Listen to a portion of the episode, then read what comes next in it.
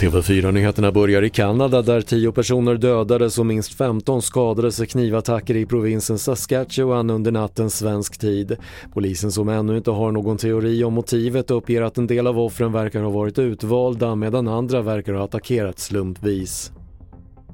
Att någon överlevt flygkraschen på Östersjön igår kväll bedöms som osannolikt och en lettländsk haverikommission ska börja en stor och svår utredning enligt den tidigare haveriutredaren Agne Widholm. Det blir säkert en ganska stor haveriutredning och det kommer också säkert att ta tid också. Det viktigaste är att kunna lokalisera bergavraket.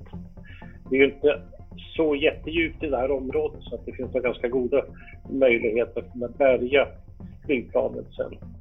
Och Ukrainas president Volodymyr Zelensky uppger enligt nyhetsbyrån Reuters att ukrainska styrkor tagit tillbaka kontrollen av flera byar och territorier i södra och östra Ukraina, men det framgår inte hur övertagandet har gått till. Fler nyheter hittar du på TV4.se. Jag heter Patrik Lindström.